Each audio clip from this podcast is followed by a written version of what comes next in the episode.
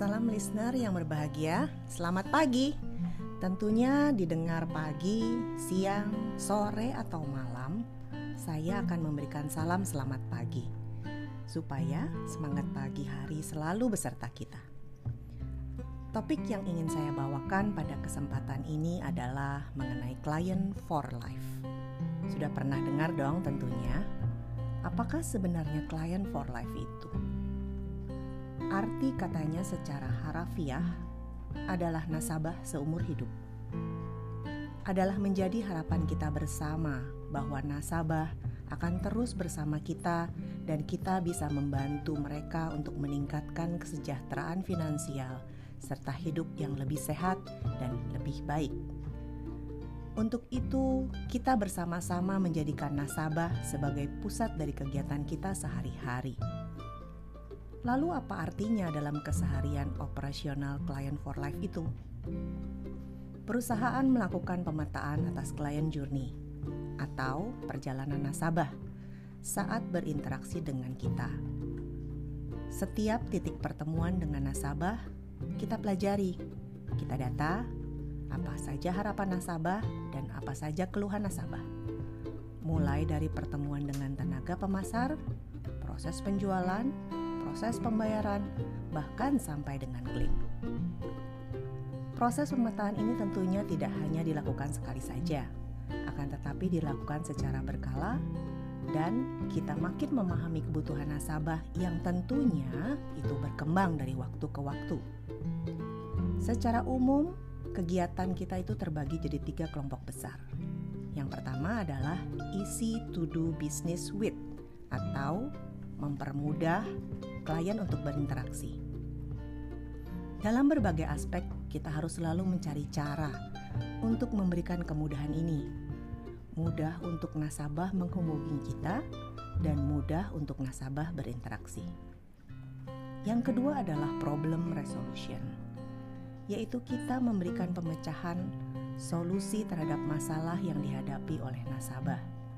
Setiap permasalahan yang dikemukakan oleh nasabah harus menjadi perhatian utama dan tujuannya untuk memberikan solusi terhadap masalah tersebut.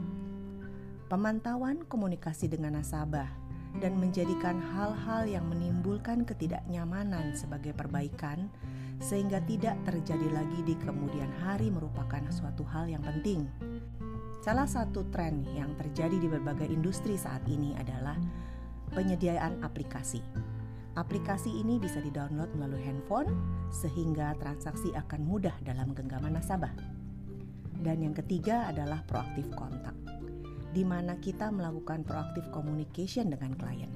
Nah, untuk poin yang terakhir ini, kita tidak lagi menunggu bola, tapi menjemput bola. Melakukan komunikasi secara proaktif dengan nasabah yang salah satunya adalah dengan melakukan survei yang berkelanjutan guna memahami kebutuhan nasabah yang tentunya berkembang terus. Survei yang dilakukan ini pun berkelanjutan, sehingga pemantauan dan tindak lanjutnya memiliki alur yang tepat untuk memenuhi keinginan nasabah. Itu semua tadi dari sisi pelayanan. Bagaimana konsep penerapan yang bisa salam listener lakukan? Saya mengutip dari Forbes yang ditulis oleh William Craig, di mana ada lima prinsip untuk menempatkan nasabah sebagai pemeran utama. Yang pertama empati, yang kedua tulus, melakukan tindak lanjut, membangun persona, dan yang terakhir adalah memahami data perilaku nasabah. Kita bedah satu persatu. Empati. Dalam menjalankan hubungan, empati merupakan kunci keberhasilan. Mendengarkan, membuka diri, dan menunjukkan bahasa tubuh yang menunjang Sementara yang kedua, yaitu tulus, itu kita harus tulus untuk terbuka dan menerima masukan.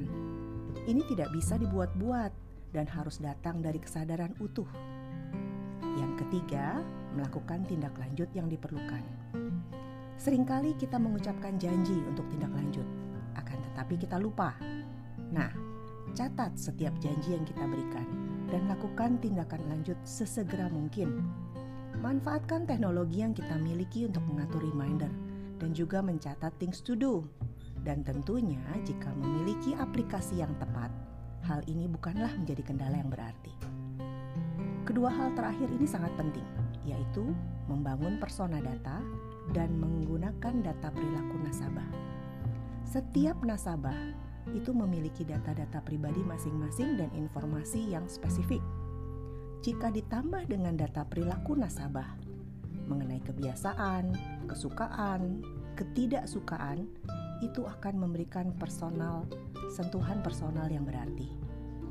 Tidak perlu hal yang mahal, hal yang kecil yang sangat personal bisa memberikan impact yang luar biasa.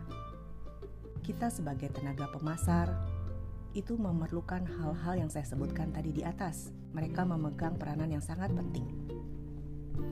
Nasabah yang bersama kita seumur hidup atau client for life, artinya mereka loyal. Nah, Bagaimana membuat mereka loyal dan bertahan bersama kita? Tentunya tidak cukup hanya dengan hubungan baik. Satu hal yang penting adalah mendekatkan nasabah atau menjadikan nasabah sebagai pemeran utama dalam proses. Fokuskan proses penjualan kepada kebutuhan mereka. Tadi saya menyebutkan tentang hal mengenai data-data nasabah, persona nasabah, dan perilaku nasabah. Di sinilah hal ini memegang peranan yang sangat penting.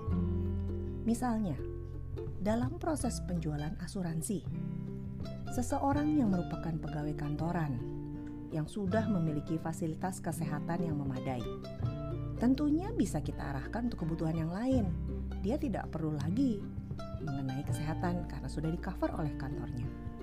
Kita bisa arahkan mereka untuk uang pertanggungan jiwa atau investasi.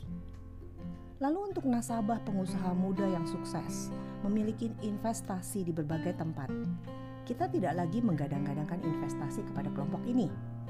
Kita bisa menggunakan data yang kita miliki untuk mencari hal penting yang belum mereka miliki seperti pertanggungan jiwa atau pertanggungan kesehatan. Dengan berpusat kepada nasabah, proses ini tidak lagi dilihat semata-mata proses penjualan, tetapi si tenaga pemasar dilihat menawarkan apa yang dibutuhkan oleh nasabah. Sehingga buat nasabah hal ini menjadi sangat penting. Dengan demikian, harapan kita mereka akan mempertahankan apa yang di-engage dengan kita untuk memenuhi kebutuhannya tersebut. Dengan melakukan empati, ketulusan, tindak lanjut, dan kemudian diperkuat dengan data persona dan perilaku nasabah, kita bisa memberikan pelayanan yang sifatnya sangat pribadi. Saat ini, hal itu dikenal dengan personalized services. Istilah negatif yang sering kita dengar adalah manisnya saat penjualan saja. Nah, kita harus terus menjalin hubungan dengan nasabah dan tentunya jika dirasa sangat penting, kita harus melakukan proses purna jual yang luar biasa. Setelah penjualan pertama berhasil, kita harus terus melakukan hubungan dengan nasabah dan memantau nasabah kita tersebut. Istilah zaman sekarangnya stalking, tapi tentunya ini hal yang positif. Kita bisa melihat perjalanan hidup mereka, melakukan pengkinian terhadap data persona yang kita punya, sehingga tindak lanjut berikutnya menjadi relevan dan personal. Tidak dipungkiri hal ini akan membuka jalan kepada penjualan-penjualan kedua, ketiga, dan akhirnya membantu keluarga mereka. Semoga informasi yang saya sampaikan ini bermanfaat dan memberikan support yang terbaik kepada salam listener semua. Saya akan menutup pembahasan ini dengan satu quote yang terkenal. Don't put off till tomorrow what you can do today. Janganlah kita tunda hingga besok apa yang bisa kita lakukan hari ini. Jangan lupa untuk tetap stay tune di Salam Institut Podcast karena belajar nggak ada batasnya. Selamat beraktivitas.